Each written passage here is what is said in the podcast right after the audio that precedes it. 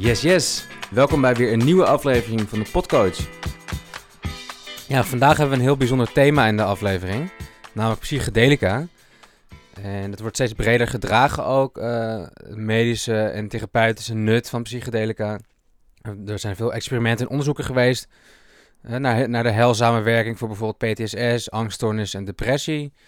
En inmiddels is dat best wel erkend dat het uh, vele nuttige, blijvende effecten heeft op je mentale gezondheid. En je ziet het ook steeds meer terug in de spirituele wereld, waar ja, veel ayahuasca-ceremonies of psilocybine, magic truffle-ceremonies worden aangeboden. Ze noemen het dan ook wel plantmedicijn of plantreis. En ja, de natuur biedt ons natuurlijk een mooie kans, mooie tools om ons bewustzijnsniveau te vergroten en nieuwe inzichten te krijgen in onszelf en in de wereld. Dat is natuurlijk best wel iets heel bijzonders. Maar veel mensen vinden het ook super spannend. Er heerst natuurlijk ook taboe op, want ja, drugs is slecht. Of ja, je hebt natuurlijk allerlei overtuigingen over geestverruimende middelen door de maatschappij om je heen. Maar inmiddels uh, wordt het taboe wel steeds meer doorbroken.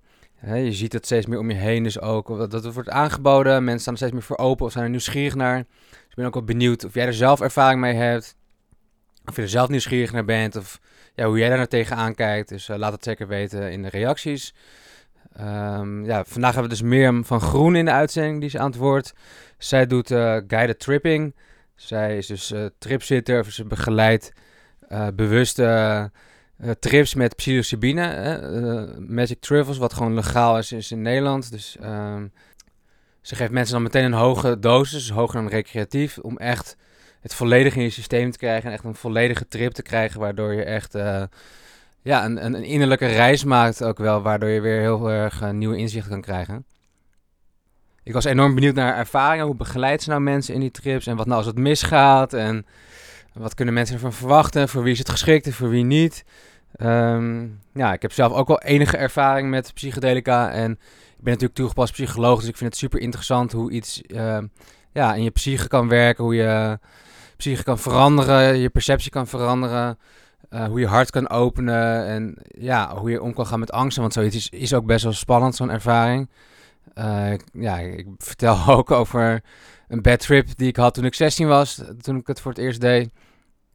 Maar gelukkig heb ik ook wel een leuke ervaring op uh, psilocybine en heeft het echt mijn hart en mijn ogen geopend. Dat er meer is dan alleen het meetbare en het zichtbare. Het stukje mystiek vind ik interessant stukje contact met uh, de eenheid van het heelal, dat soort thema's. Dus het heeft wel echt mijn filosofische, spirituele brein geopend voor, uh, ja, het heeft me gewoon dichterbij mezelf ook gebracht. En ook wel mijn liefde voor psychologie en filosofie en spiritualiteit aangewakkerd, denk ik. Dus het is ook wel uh, life-changing eigenlijk. En het is natuurlijk niet de enige methode om verlicht of je geest te verruimen. Je kan natuurlijk ook gewoon de, de weg van meditatie volgen of, of andere routes nemen. Het is echt niet dat dat uh, voor iedereen weggelegd is of geschikt is. Maar uh, ja, ik denk als je er steeds nieuwsgierig naar bent, is het natuurlijk wel vet om het uh, zelf eens uit te proberen. Want je weet het pas wat het voor je doet als je het zelf doet. You never know the result before you take the action. En het is altijd anders dan je van tevoren verwacht. Dus ja, al je overtuigingen die je erbij hebt, kan je nog wel eens onder de loep nemen of het nou wel klopt wat je ervan vindt. Al die meningen die je erover hebt. Um, ja, dat vervaagt allemaal als je het zelf hebt ervaren. Ja, je mag er wel van uitgaan dat het een ervaring is die je nooit meer zal vergeten in de rest van je leven. Dus uh, ja, ben benieuwd wat je van de uitzending vindt. En ben je daarna nou geïnspireerd om zelf een ervaring op te doen? Kan je altijd meer van groen uh, berichten. Uh, maar ik kan ook met je meedenken als een andere soort middel of ceremonie beter bij je past. Uh, ik heb er best wel wat onderzoek naar gedaan, dus uh, ik kan ook graag met je meedenken als je er meer over wil weten. Ik wens je heel veel luisterplezier en heb je zelf een loopbaanvraag of wil je je eigen geluid ontdekken in deze wereld vol reis? Want we leven in een chaotische, overprikkelde wereld en ja, daarbij vergeet je af en toe wie je bent, wat je wil en wat je kan. Waar ben je naartoe aan een volgende loopbaanstap? Uh, waar je wel gelukkig van wordt? Check dan even mijn website en vraag een gratis intake aan. Of kijk of er een match is met een uh, checklist. www.immuncoaching.com En het kan allemaal kosteloos. En check ook zeker guidedtripping.nl. Kijk of een begeleide trip met meer vergroen ook wat voor jou kan zijn. Veel luisterplezier en tot de volgende keer.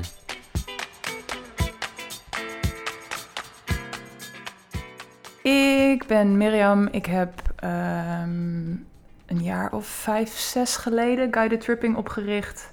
Ehm, nadat ik een burn-out heb gekregen in mijn uh, voormalige leven als uh, docent op hogeschool. En um, ja, ik, ik heb mijn leven helemaal omgegooid, uh, want dat, mijn oude werk dat ging niet meer. En door toeval en nog meer toeval en nog meer toeval. en allemaal signalen van het universum in de vorm van mensen om mij heen die uh, zeiden van nou, ga dit maar doen, ga dit maar doen, ga dit maar doen. En uh, op een gegeven moment was de weerstand op en toen ben ik het gaan doen. Wauw. Ja. Het klinkt net alsof je eigenlijk geen keuze had, dat, dat het allemaal zo een beetje op wel. je pad kwam voor was bestemd met signalen. Ja, en, uh, ja. Ja. Want vanuit welke ervaring ben je dan guided tripping gaan doen? vanuit welke fascinatie of interesse dan? Ja, dat is wel een goede vraag. Ik... Ehm, er waren eigenlijk soort twee parallele paden in mijn leven, onder andere, maar deze twee uh, zijn relevant voor dit uh, verhaal. En die heb, dat was psychedelica in een recreatieve setting, waar ik hangt er vanaf wie het vraagt, maar relatief laat mee begonnen ben. Ja. uh, rond mijn 25ste. En ik had altijd hele fijne vrienden om me heen. En dan gingen we op festivals en goede gesprekken. En lekker wappie. En helemaal gezellig. En helemaal goed voor elkaar zorgen. En dat was altijd heel positief. Klinkt goed. En um, daar heb ik ook wel echt wel betekenisvolle momenten in gehad, per ongeluk. Hè? Dat recreatieve is dat niet per se je doel, maar dat kwam zo langs. En um, onder andere door dat tweede parallele pad van persoonlijke ontwikkeling um, kon, kon ik dat echt integreren ook. Uh, dus ik heb heel veel workshops gedaan en allerlei methodologieën geleerd en allerlei. Uh, nou, ik ben officieel geen therapeut. Um, ik ben op de hogeschool ook coach geweest voor studenten en voor uh, collega's. Dus dat, dat, was een beetje meer, dat is meer mijn insteek. Er gebeuren soms wel therapeutische dingen, maar dat is wederom ja, ja, ja. per ongeluk. Dus we zijn uh, ja, vrij... vanuit jouw talent misschien, of ja, wie in deze band misschien. ik, uh, dat durf ik allemaal niet zo goed te zeggen. En meditatie en dat soort zaken. Dus dat was het andere pad wat, ik, uh, wat een beetje in mijn leven was. En dat begon zich te vervlechten die, dat, de psychedelica en die persoonlijke ontwikkeling. En toen kwam ik er ook achter dat mensen dat dus niet per ongeluk deden, maar ook expres konden doen. Mhm. En uh, met intentie. En um, ben ik daar veel meer over gaan leren en raakte een andere in mijn omgeving geïnteresseerd en die wilde dat eens een keer met mij doen. Ik dacht, nou ja, lachen. Toch? Ja, interessant. Dus uh, toen, dat, dat waren hele mooie ervaringen waar diegene dan ook van zeiden van nou, dit moet je gaan doen. Ze hebben genoeg leraren op de wereld, maar niet genoeg uh, trip guides. Dus, uh, wow. En toen kreeg ik die burn-out en toen langzaamaan werd het steeds duidelijker dat ik dit inderdaad wel uh, ja, ja. kon gaan doen. Dus echt passie gedreven natuurlijk, Ja. vanuit je eigen ervaringen en Ja. ook vanuit een, een baan die niet helemaal meer werkte misschien. Correct. Ja, mooi. Ja. En natuurlijk de ervaring op de festivals, zoals je het mooi schetst. Nou, er zijn, ik heb vooral wel wat jongere luisteraars. Een beetje tussen, eh, nou ja, wat zou ik zeggen, tussen 20 en 40 is een beetje de doelgroep. Ja. Veel mensen in die leeftijdscategorie gebruiken of experimenteren ook met geestverruimende middelen. Yes.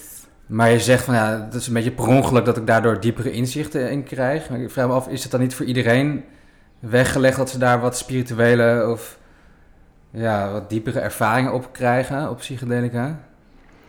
Ehm, ja, waar, hoe wij dus je zou kunnen zeggen dat er drie hoofdmanieren zijn om met psychedelica te werken. En psychedelica aan zich ehm, zijn, er is zo'n mooie Engelse term voor, ehm, non-specific amplifiers. Mhm. Dus ze versterken bepaalde aspecten van jezelf, maar het is niet specifiek. Dus wat je erin stopt, is dan wat versterkt wordt. Dus als je, eh, er zijn die drie, die drie manieren zijn recreatief. ehm, aan de ene kant medisch therapeutisch, aan de andere kant van het spectrum. En dan zitten wij een soort van in het midden. eh, en dat noemen we dan bewust of intentioneel gebruik voor je persoonlijke ontwikkeling, voor je persoonlijke groei, voor je zelfonderzoek. Ja, Ehm, maar eh, nou ja, dat, dat loopt natuurlijk soms een beetje in elkaar over. Zoals bij mij per ongeluk een paar keer gebeurde. Ja. Ehm, ik wil even voorbeeld, dit blijft toch mooi. Ik was, op, ik was op een festival aan het dansen op de, op de dansvloer tussen allemaal van die vrolijke, ja felgekleurde mensen. En ik was op een gegeven moment met mezelf aan het dansen. Ik hallucineerde mezelf, zeg maar, een soort meter. uitreding of zo. Ja, nee, ik, ik zag, ik was, daar stond ik gewoon ineens anderhalve meter voor me. Dus ik was, ik, en ik danste met haar en ze keek heel vrolijk. En ik dacht, waarom ben ik zo'n asshole tegen haar? Ze is echt een hele leuke vrouw. Oh, wat een mooie openbaring. Dat je gewoon wat Ja. meer of liever naar jezelf mag Ja. zijn. Ja, Ja. en sindsdien, en dat, dat, dat het klikte echt op de een of andere manier. Ja, dat zijn echt onwijs, onwijs krachtige ervaringen natuurlijk. Dat je het Ja. echt ziet. En je kan natuurlijk wel van een coach of een therapeut van... ja, je moet liever naar jezelf toe ja, zijn. Maar als je uh-huh. zo'n krachtige ervaring hebt... dan, ja, dan kan je het echt wel integreren, denk ik. ja. Ja. Ja, ik heb zelf ook wel wat ervaring. Voor het eerst toen ik 16 was, heb ik dat gedaan. En daarna Mm. heb ik het heel lang niet meer gedaan.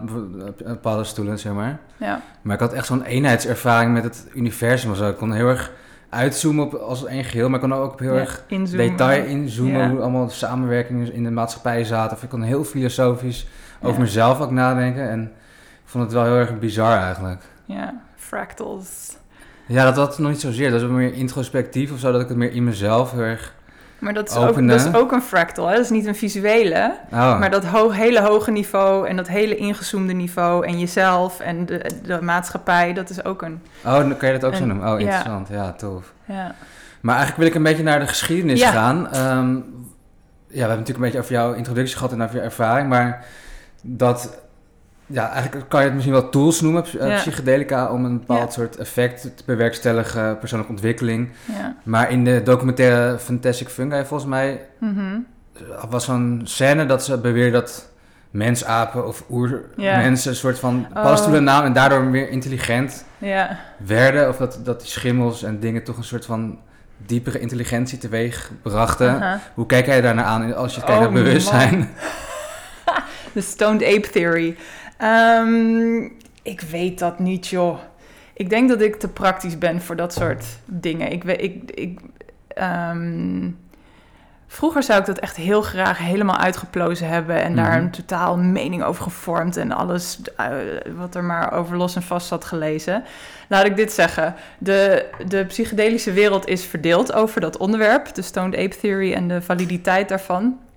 Ehm, dus wat jij net uitlegt, ehm, dat psychedelica een rol hebben gespeeld in de evolutie van de mens. Mhm.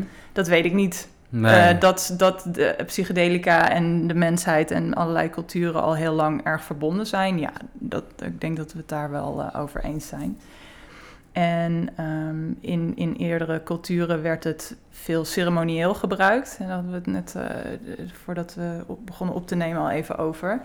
Dus voor overgangsrituelen bijvoorbeeld van de ene levensfase naar de andere. En dus heel bewust en ondersteund en met, je, met al je mensen. Ehm, en dat is, eh, ja, dat is denk ik heel erg betekenisvol geweest en, en belangrijk.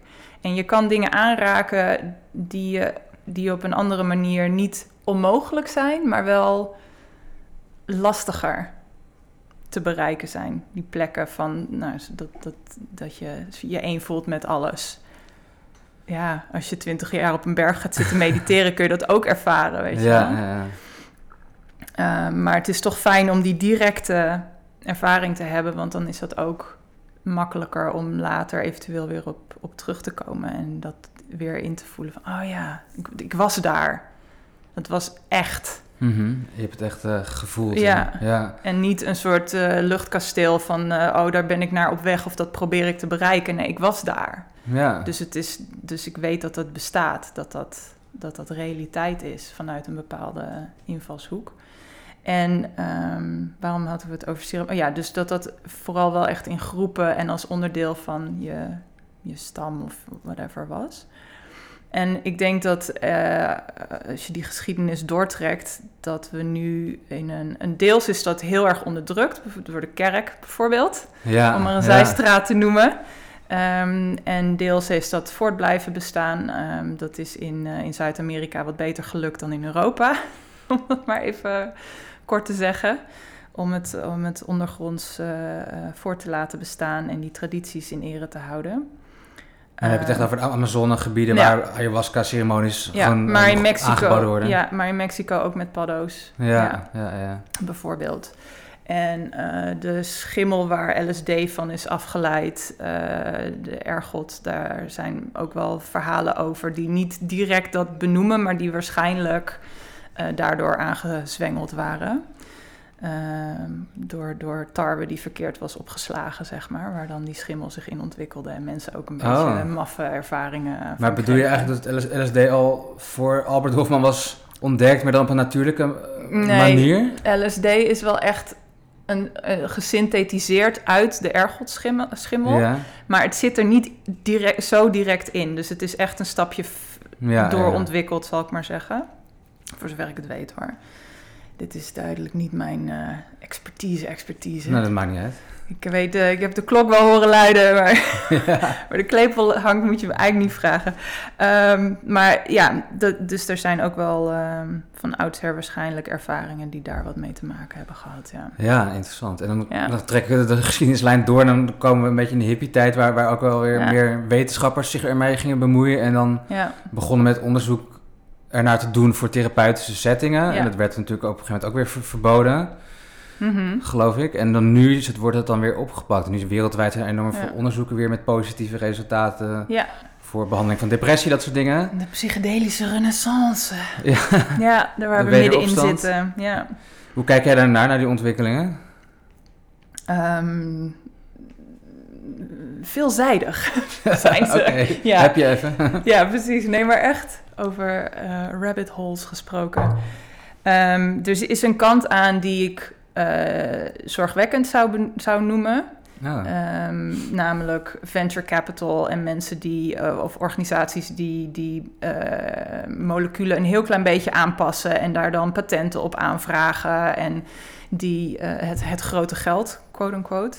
mhm. Ehm, ja, dat is een. En, het medicaliseren. Dus dat je het alleen maar als je een bepaalde diagnose hebt en alleen maar onder behandeling van een arts of een therapeut eh, dat zou mogen nemen.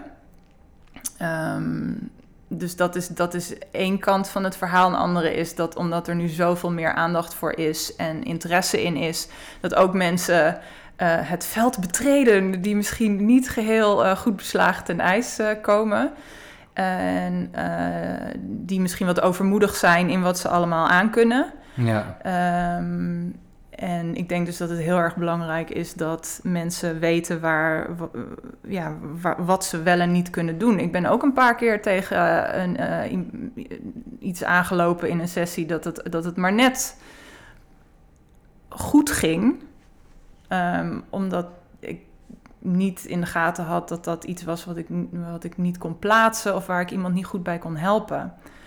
En ehm, ja, dus dat heeft me wel geleerd om, om mijn grenzen wat strakker te stellen en wat meer door te vragen naar bepaalde dingen voordat ik met mensen. eh, ja, echt in een intake, zeg maar, dat je ja. een betere screening doet. Ja, Maar eigenlijk zeg van, ja, je- het baartje zorgen dat er misschien meer vervuiling komt qua mensen die ermee aan de slag gaan, maar ook qua mensen die dat naar zich toe trekken en daar eh, Ja. monopolie of, of eh, patenten voor willen hebben. Dus ik snap ook wel die zorg inderdaad. ja.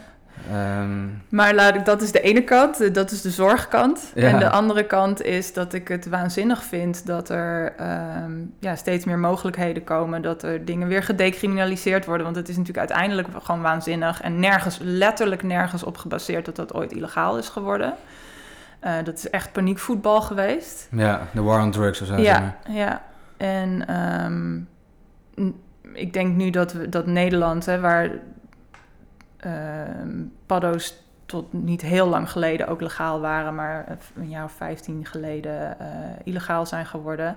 Maar truffels, waar dezelfde werkzame stof in zit, psilocybine, die kun je nog wel bij de smartshop kopen. Dus dat is Ja, wat is daar eigenlijk de reden van? Dat die gedroogde Ja. mogen niet meer, maar die verse Nou, truffelvariant is dan wel weer oké. ja, ja. ehm, Terwijl Gooi als je maar daar genoeg van neemt, dan heb je hetzelfde Precies, werkzame ja, ja. stof in je lijf. Ja, klopt. Ja, het is ehm, technisch... Oh man, ik hoop dat ik het goed uitleg nu. Technisch gezien is psilocybine nog steeds een illegale substantie. Mhm. Eh, maar je mag in Nederland wel eh, truffels verkopen waar psilocybine in zit. Het is een natuurlijk voorkomende psilocybine. Maar bijvoorbeeld mag je er eigenlijk geen thee van zetten, want dan ben je een illegale stof aan het extraheren. Ja, ja, ja. Dus ja. het, is, het is een vrij apart uh, verhaal. De, de paddo's zijn ooit illegaal geworden omdat er um, een aantal incidenten waren um, die zijdelings dan wel toch wel stevig met paddo's te maken hadden, maar uh, ja, waar gewoon vrij heftig op gereageerd is door dat helemaal uh, illegaal te maken. Maar die lijst met substanties die toen illegaal zijn geworden, daar is, zijn de truffels gewoon niet opgekomen op de een of andere manier. Dus die mochten toen, die zijn van een soort zij, zijproductje. Ah, zijn nu gat in de, het ding geworden. ja, ja, ja um, en je mag, uh, smart shops mogen ook nog kits verkopen met sporen. Dus dat mensen zelf ja, uh, ja. paddo's kunnen, kunnen groeien. Ja, als je er aan wil komen, dan kom je er toch wel aan. Dus ja. ja.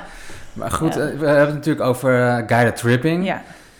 Uh, allereerst ben ik ook benieuwd hè, voor de luisteraar, voor wat voor mensen is het nou geschikt? Want misschien wil je als luisteraar wel weten, van, is het wat voor mij? Of um, ben ik daar geschikt voor? Of andersom, is het geschikt voor mij? Ja, ja wat, wat voor mensen Gaan wij vrienden worden? ja. Vinden wij elkaar leuk?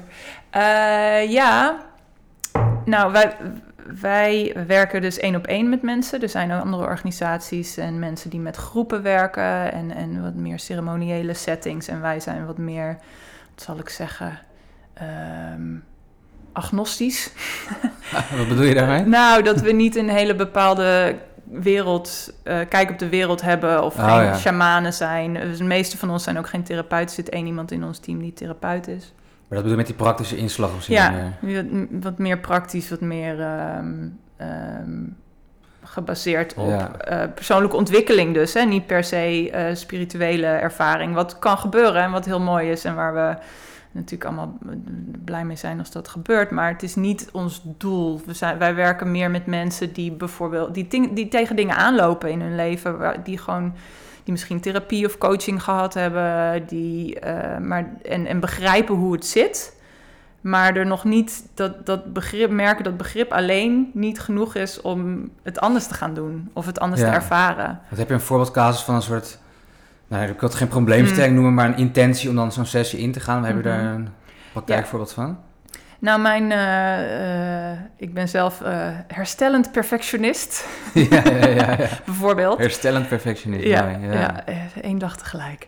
um, en heel veel mensen die ja, naar mij toe neigen, die, hebben dat, die herkennen dat erg. Um, en die hebben dus veel, heel, veel zelfkritiek, veel uh, overdenken van dingen, um, analysis paralysis. Ja, ja, ja. Um, wel lekker in je hoofd zitten. Ja, lekker in je hoofd zitten. En wel weten dat er meer mogelijk is, maar het lukt maar niet. En uh, of, ik, krijg, ja, of het, ik durf het niet, of ik krijg het niet voor elkaar, of ik ben bang dat het niet goed gaat. Of nou ja, alle mogelijke dingen die je maar kan verzinnen. En ik snap dat ik mezelf in de weg zit. En toch blijf ik daar lekker zitten. Want er is gewoon... Een soort automatische piloot ja, geworden. Ja, ja, Dat, is, dat is waar ik leef nu. En uh, dat voelt niet helemaal vervullend meer nee. of zo. Um, en dat, dat, dat kan van alles zijn. Maar dat, zeg bijvoorbeeld perfectionisme. Um, en dan um, kan het heel goed zijn dat je... Waar, waar je eigenlijk op moet instellen is dat er sowieso onverwachte dingen gaan gebeuren. Dus mensen komen, dit, dit is wel een goeie. Mensen komen, iemand komt binnen van, ik wil, ik wil van mijn angst af. Ja. En mijn angst houdt mij tegen. En die kwam langzaamaan tijdens de sessie daarachter van, oh wacht, die angst is niet mijn vijand. Die angst is deel van mij. Die angst heeft een reden. Die angst zit daar om mij te beschermen. Ja, toch een signalerende werking. Ja, precies. Ja. En dat hij misschien wat te veel in de bestuurdersstoel heeft gezeten daar kunnen we het over hebben. En dan kan ik dat tot mijn uh, bondgenoot maken, die angst, in plaats van degene die, die mij, of het deel van mij wat mij in de weg zit. Dus dan, um, en dan neem ik een voor, voorschotje op integratie. Dat is, dat, dat zullen we nog wel meer over gaan hebben. Maar dat is, als je dat terugbrengt naar de wortel, is dat heel worden of tot één maken. Ja. bijeenbrengen. Dus dat is niet het uitsnijden van jouw angst, zodat je daar nooit meer last van hebt. Dat is het integreren van jouw angst. Het een plek geven. Het een, ja. het een plekje geven. ja, het klinkt zo cliché, maar goed. maar het is gewoon zo waar. ja. Ja, dus dat was de verrassing eigenlijk. Van, oh wacht, ik, ik, mijn intentie was om van mijn angst, af te komen. Maar dat is helemaal mijn intentie niet meer. Nee. Ik wil niet meer van mijn angst af, maar ik Maar wil helemaal niet mogelijk met vaak. mijn... Nee, precies. Nee, wel nee. Maar ik, weet je, soms moet je iemand gewoon Ja. dat even laten uitzoeken zelf. Ja, mooi. En dat is wel belangrijk dat je in zo'n sessie dan ook ervoor open staat dat dingen dus anders lopen of anders naar ergens anders heen gaan dan je misschien van tevoren verwacht had. Ja, maar dat lijkt me juist zo mooi aan, want ik, ik werk natuurlijk ook als loopbaancoach, dus angsten komen Ja. dan ook wel vaak naar voren. Mm. Maar dan kan ik wel zeggen, ja, je moet het gewoon, je moet het niet als een bal onder water drukken, want dan ploept het toch zo weer keihard boven. Een maar mooie metafoor, ja. ja, eh, het mag ook zijn en, en je mag het ook omarmen en het wil misschien iets zeggen, maar dan kan je dat uitleggen. Maar als je het zo beschrijft in zo'n sessie, dan Ja, komt het echt uit iemand zelf eigen visie of, of ja, ervaring. En dan is het natuurlijk veel ja, ja, krachtiger of gaat het veel sneller over misschien ook wel. ja. Het is makkelijker om het te...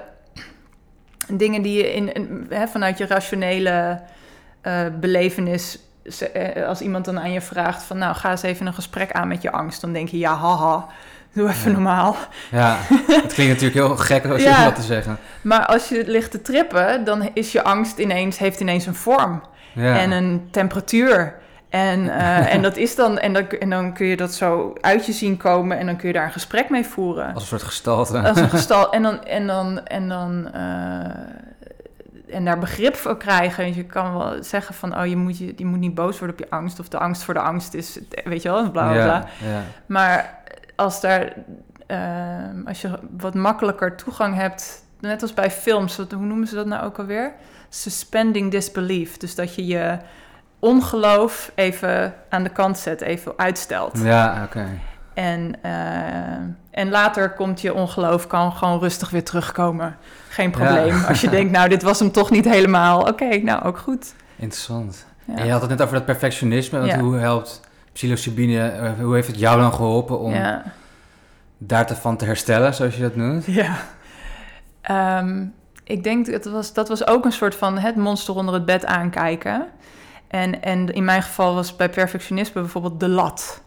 Hè? De-. De lat, die, wat is dan perfectie? Ja. Ja, dat wist ik eigenlijk niet. Wanneer heb ik dat dan bereikt?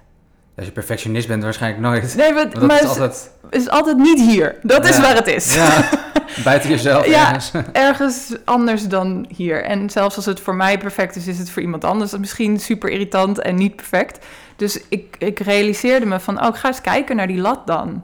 Oh, nou, die was heel ongrijpbaar en die was elke keer ergens anders. Ik dacht, nou, dat is ook heel onvervullend. Ik bedoel, als ik er nooit kan komen, waarom zou ik er dan achterna blijven jagen? Dat is helemaal niet... eh, Nee, dat is doodvermoeiend natuurlijk. Ja. doodvermoeiend. Ja. Maar echt, hè? hallo burn-out. Dus ja, ja. dat, ehm, dat, dat vormgeven en dat is echt aankijken in plaats van de, de soort van, eh, hoe noem je dat, in de schaduwboksen. Ja, ja. Van ik weet niet waar ik, ik, ik weet eigenlijk niet wat ik aan het doen ben. Ik weet alleen maar dat ik, dat ik nu niet goed genoeg ben. Dat Hmm. is het enige wat ik weet. Maar Dus helpt dat is heel onrustig. helpt die psilocybine dan om echt eerlijk naar jezelf te kijken, zodat je beter reflectief naar je eigen handelen en gevoelswereld kan kijken en daarmee om kan gaan? Zo? Beter, ik zou zeggen, ehm, als het enigszins lukt, want dit, gaat, dit lukt niet voor iedereen, maar als het enigszins lukt, is het vriendelijker. Ehm, en dat was ook in, met die, eh, dat moment dat ik mezelf hallucineerde, dacht ik ook, oh ja, we hebben wel, ehm, als je het vanuit een eh, wetenschappelijk oogpunt wil bekijken, we hebben datasaturatie. Wat is dat? De, dat, je, dat je alle data hebt verzameld in een bepaalde hoek. Ja. Van ik weet wat er gebeurt als ik kritisch op mezelf ben.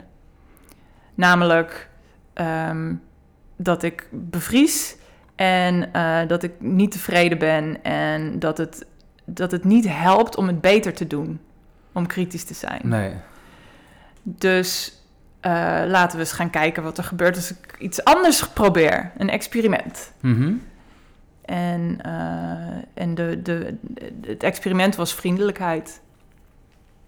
En uh, bijvoorbeeld, en, en hoe ziet dat er dan uit? En gaan we uitzoeken, oh ja, dat voelt te gek, hè? Uh, hoe, en de, heet het kwam die stem weer ja, van, ja, maar hoezo vriendelijk? Je doet het nog helemaal niet goed.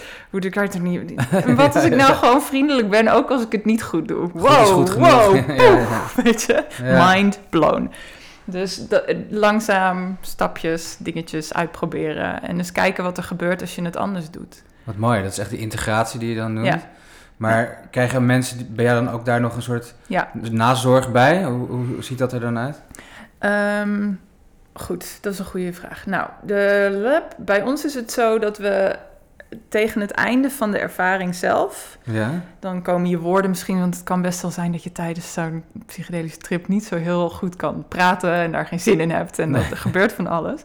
Maar er is iemand bij, hopelijk voel je je dan veilig en kun je ook, als het echt nodig is, even wat dingen benoemen en dan weer door. Um, of wat hulp vragen um, om, het, om die ruimte een beetje te navigeren. Um, maar tegen het eind, als je weer langzaam een beetje neerdaalt ja. op, uh, in deze realiteit. ja, je bent niet helemaal weg hoor. Zo, nee. Zulke hoge dosissen gebruiken we niet. Je kan gewoon nog naar de, naar de, zelf naar de wc en je weet wanneer dat nodig is. Uh, om maar, ja, ja, precies, toch? Als dat nog kan, dan ja, Precies, niet zoveel aan de hand. Um, maar dan komen woorden misschien weer een beetje terug en dan doen we iets wat, wat we vertalen zijn gaan noemen. Dus hoe kun je vertalen wat er in jouw ervaring gebeurde naar je dagelijks leven. En naar misschien uh, beoefeningen, practices of naar experimenten, zoals ik net van wat nou als ik dit eens ga proberen in zo'n situatie. Of, uh, en dat is eigenlijk een beetje de derde categorie die ik ben gaan gebruiken voor, voor integratie, is het laten gebeuren. Het niet in de weg zitten van het proces wat op gang is gezwengeld. Um, het kan bijvoorbeeld best zijn dat je bij een bepaalde emotie, een reservoir van een bepaalde emotie terecht bent gekomen. En hoe emotioneel je tijdens zo'n trip verder ook bent, dat reservoir is nooit al helemaal leeg. Dat kan niet. Maar je hebt nu wel misschien een toegang daartoe. En dan kun je dat blijven, uh, ja, die weg een beetje open houden en dat reservoir langzaam, um, ja, hmm. daarop intappen. En wat, wat, wat gebeurt er dan? Is het dan dat je dat, je dat meer kan verwerken, die uh, traumatische ervaringen of vervelende emoties of zo? Ja. Of, ja, bijvoorbeeld. Wat je dan heel lang hebt afgesloten bij jezelf, heb je nu weer toegang toe en dan kan, je er, dan kan je er wat mee. Ja, ja. ja, want je kan natuurlijk ook, als je echt, echt niks vindt, dan kan je daarna die deur weer keihard dichtgooien hoor. Dat is geen enkel probleem. Nee, want je neurale paden in je brein, die zijn nog steeds, en in je, de rest van je lichaam, want daar heb je ze ook, um, die zijn in principe nog steeds zoals ze waren. Er zijn er misschien een paar bijgekomen, of er zijn misschien wat oude die een beetje waren afgestorven, is weer nieuw leven ingeblazen. Uh, maar je, je, als je niks, uh, als je dit niet actief open houdt, dan groeien die gewoon weer dicht. Ja, interessant. Dan wordt het gewoon weer hardwired zoals het altijd al was geweest. Ja, dan, dan glij je daar weer in terug. En dat is dus ook wat mensen beschrijven van... oh, na afloop voelde ik me echt waanzinnig. Uh, maar dat is echt weggeëpt en ik ben weer helemaal terug bij af. Ja, nou, je moet het dus echt zelf mee, mee aan de slag, zeg maar. Dan, ja, ja. Ik heb ook eens van die brain scans gezien... dat je dan op psilocybine weer veel meer ja, verbindingen aanmaakt. Maar ik kan me wel voorstellen dat je dat dan ook moet uh, handhaven zelf. Onderhouden, ja. ja. Um, dus dat is waar we mensen bij helpen, bij die vertaalslag van... Oké, dit is wat er met me gebeurde, voor zover ik daar al woorden voor heb. Hè. Dat hoeft vaak ook nog helemaal niet. Maar uh, wat er met me gebeurde in die ervaring, dit is wat ik gezien, geleerd, meegemaakt, ge geprocessed heb, verwerkt. Um, en in, in die drie categorieën van um, beoefening, dat kan yoga of meditatie of uh, dieet of wat je maar wil. Het kan van alles zijn. Okay. Stoppen met roken. Ja. Uh, beoefening. Um, het kan um, experimenten, dingen uitproberen, dingen anders, kleine, kleine veranderingen gaan ook toepassen. Ook in je gedrag, zeg maar. Ja, en, en ook, um, um, hoe heet dat? Ja, dus in je gedrag en, en, en dingen uitproberen en data verzamelen in een nieuwe categorie. En uh, de derde is dus uh, het toelaten. Sommige mensen noemen dat overgave, surrender. Hè? Dat is een woord wat veel gebruikt wordt. En ik vind zelf eh, toelaten, een fijnere... Want dan ben ik zelf actief nog bij betrokken, zeg ja, maar. Ja. Ik laat het toe. Gewoon die, die dingen in jezelf waar je normaal voor wegliep Ja. liep of zo. Ja, Ja. ja. en om dat, om dat niet in de weg te gaan zitten en die deur niet dicht te gooien. Dus eigenlijk gewoon de interne flow gewoon laten zoals je wil ontstaan, zeg maar. Mhm. Gewoon beter leren voelen. Ja, ja. En die nieuwe taal misschien te gaan leren spreken. Van, oh, ik, had, ik, ik nam eigenlijk alleen maar dingen aan van mijn hoofd. Maar er zijn ook nog andere bronnen van informatie in mijn eh, lichaam. Ja, En misschien Mooi. kan ik die ook eens eh, gaan gebruiken. Misschien kan ik die mee laten wegen en meeweven in hoe ik mijn beslissingen vanaf nu wil nemen, bijvoorbeeld. Maar dat lijkt me best wel een ontwikkelingsweg van, van, een, Oei. van een, iemand die op de academie eh, doseert, totdat je gevoel erbij betrekken en Oei. intuïtie, dat soort dingen. Ja, zeker. Want daar doe je dan toch op, dat je meer je lijf, meer Ja. in, intuned in je lijf en dat soort dingen. ja, integreert. ja, Dus, ja. ja. Mooi. Ja, ik vroeg dus voor, wat voor mensen is het dan geschikt? Eh, We hebben het al over perfectionisme gehad of ehm, angsten, maar ja. Ja. wat voor mensen hebben nog meer vooral baat bij? Of is het, denk je van, nou, iedereen zou eens in zijn leven er wel baat bij kunnen hebben? Ehm, nou, er zijn wel contra-indicaties. En dat is wel eh, belangrijk. Ehm, en die verschillen ook, als het goed is, per begeleider of per persoon waar je mee zou... eh, want ja, nogmaals, wij zijn meer coaches. Ehm, dus als iemand bepaalde psychiatrische eh, diagnoses heeft Ja, ja. dan is dat iets wat, wat wij niet. Het kan, het kan dat het heel goed gaat, maar het kan ook van niet. En dan zijn wij niet degene die jou eh, daarin kunnen helpen en begeleiden. Daar zijn we niet voor opgeleid. Nee, dat dat is natuurlijk een flink risico, zeg maar. Ja. Ja, en, en dat wil niet zeggen dat het helemaal niet geschikt is voor die mensen, maar dat ze gewoon dat dan dus echt met een therapeut en in een bepaald protocol en, en meer eh, ja, met, met een ander type ondersteuning dan wat wij kunnen bieden. Ehm, en ik denk dat het belangrijk is als je eventueel gaat nadenken over, oh, wil ik, zou ik dit willen doen? Ja? Eh, je kan het in je eentje doen in je, in je kamertje. Ehm, dan kun je ook wat dingen doen om ervoor te zorgen dat het, eh, dat het eh, goed, zo goed mogelijk gaat. Wat wij doen, er zijn geen garanties. Wat wij doen is omstandigheden scheppen. Waarin het waarschijnlijker is dat jij een positieve en eh, een blijvend positieve ervaring gaat hebben.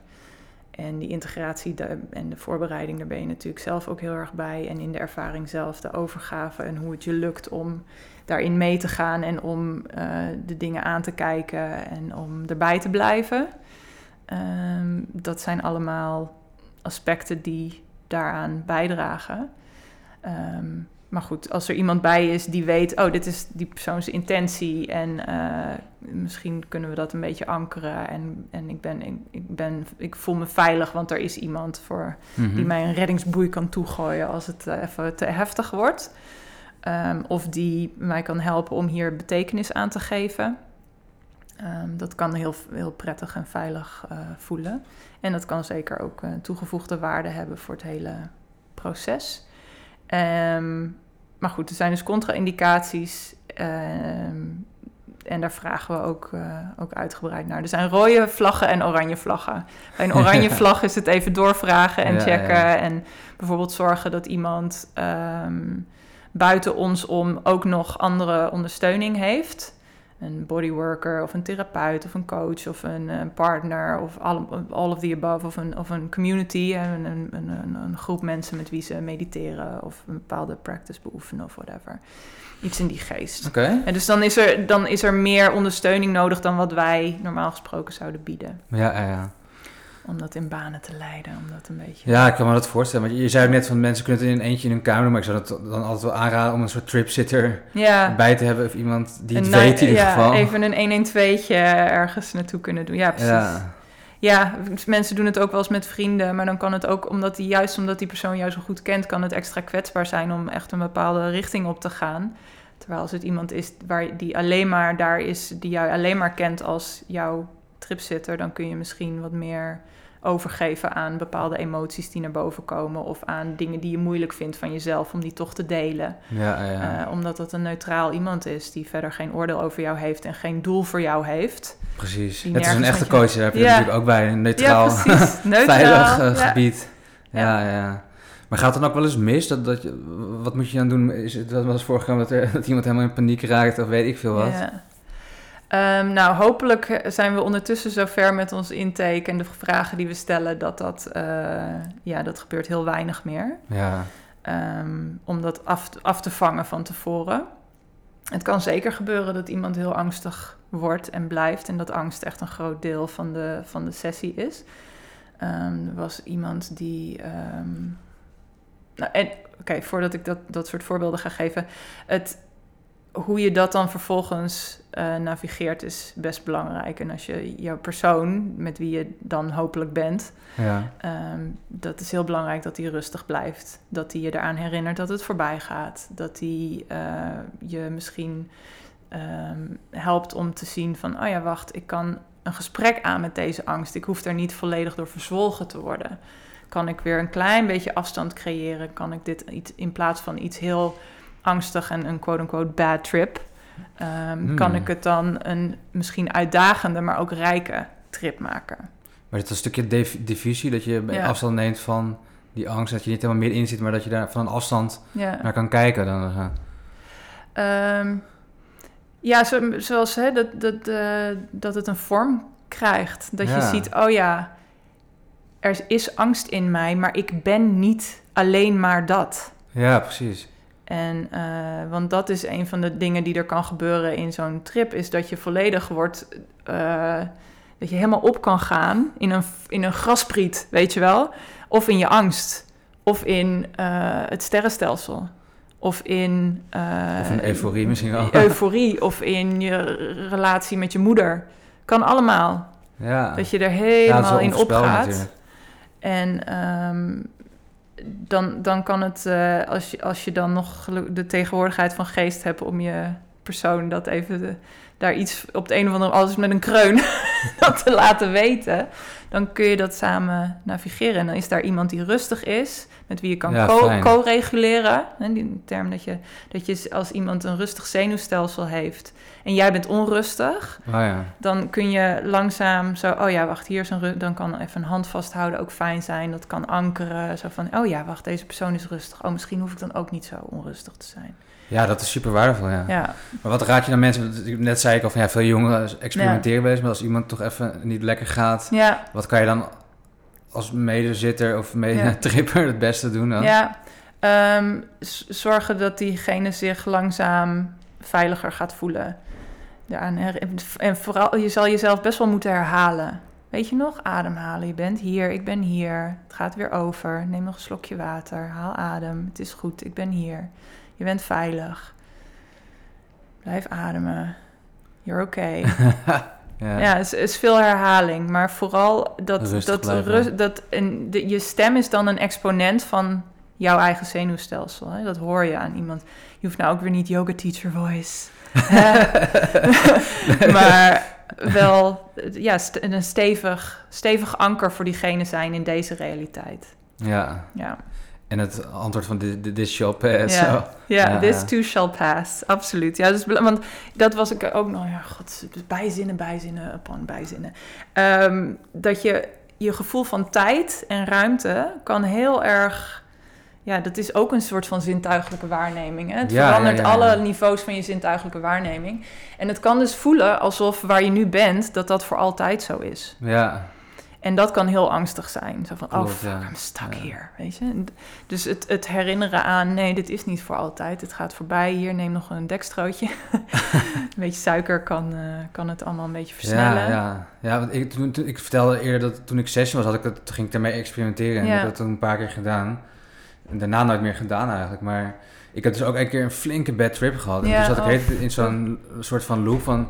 Ik wil dit niet, ja. ik wil dit eigenlijk niet. Ik had een beetje spijt dat ik dat had gedaan. Ja. Dus ik wilde het niet voelen, dus ik wil weer nuchter. Maar ik, ik, was bang dat ik inderdaad nooit meer nuchter zou worden. En ik moest maandag meer naar school en ik, ik wou hier uit. En dat ging alleen maar zo door in een soort van drie punts ja. gedachtenloop. Ja, loopje, yes. En later heb ik wel van geleerd van, eh, je, je hebt niet, gewoon die controle er niet over. Dus het is gewoon puur van overgeven. Maar ik was er heel tegen aan het verzetten in mijn Ja. hoofd. Dus ik dacht dat ik met mijn gedachten kon ik het regelen. Ja, En daarvan heb ik wel geleerd van, ja, je, je hoeft niet alles in je hoofd op te lossen en laat het maar over je heen komen. Maar dat duurde wel heel lang voordat ik dat door had, zeg maar. Dat ik Ja. het gewoon puur zelf in mijn gedachten kramp ja, deed, zeg maar. ja.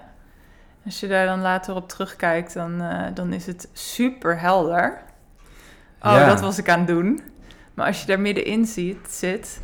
Ja, dat- Ik kon geen afstand nemen. Het was echt alleen maar dat, dat cirkeltje. En ik kon het niet objectief van een afstand bekijken, inderdaad. Dus wat je net zei, dat, dat tijdsbesef van... Oh, ik, ik kom hier mijn daak nooit meer uit en dat kan niet. En Ja, dat, dus ik wil eruit. En dat, dat, dat kon gewoon niet. nee. Heel bizar. Ik heb een keer... Een, eh, toen had ik iets eh, binnengekregen wat verkeerd gelabeld was. Dus Ja. dat was niet wat ik dacht dat het was. Oh, En dat was een maf en dat was maf en het was helemaal niet waar ik op gerekend had. En toen zat ik ook, want het was een zondag, het was een festival op zondagmiddag. En ergens toen ik door het bos aan het dwalen was om eh, een beetje rustig te worden, toen dacht ik, ik moet morgen gewoon lesgeven. Hoe dan? Shit, ja.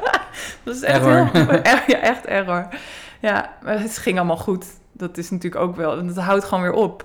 Het houdt gewoon weer op. Ja, maar dat weet je misschien op zo'n moment even niet meer Nee, maar dat, daarom is het inderdaad wel Ja. prettig als iemand je daar dan even aan kan herinneren. En da- daarvoor is het wel belangrijk, want ook als dat is dus iets wat best wel lastig is als mensen bijvoorbeeld paranoia-achtige dingen hebben. Dat is ook iets wat ik geleerd heb dat dat niet goed werkt voor mij.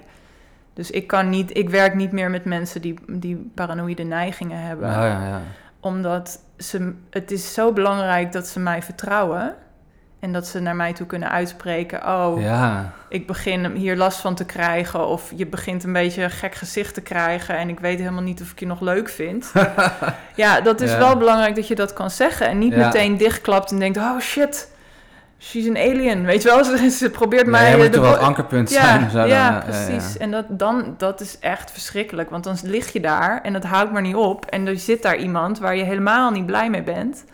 Dus dat soort dingen zijn wel echt, eh, heb ik geleerd van, nou, dat, ik, ik, misschien is er een manier om daar omheen te komen, maar ik weet die niet. Dus ik, doe dat niet meer. Nee, want je hebt natuurlijk ook je ideale eh, Ja. deelnemers en mensen Ja. waar je wel niet mee klikt. Dus dat, Ja. dat is natuurlijk ook Ja. goed om dat van jezelf te weten. Ja, en die klik is wel belangrijk. Soms denken mensen dat ze een soort van sollicitatiegesprek bij mij doen bij die intake. En dat is Ah, ook ja. weer niet helemaal waar. Maar ik denk wel dat het belangrijk is dat er eh, van twee kanten een goede, een goede klik is. Ja, Ja, dat ik, eh, dat ik, dat ik, ik zit ook daar een dag naast jou.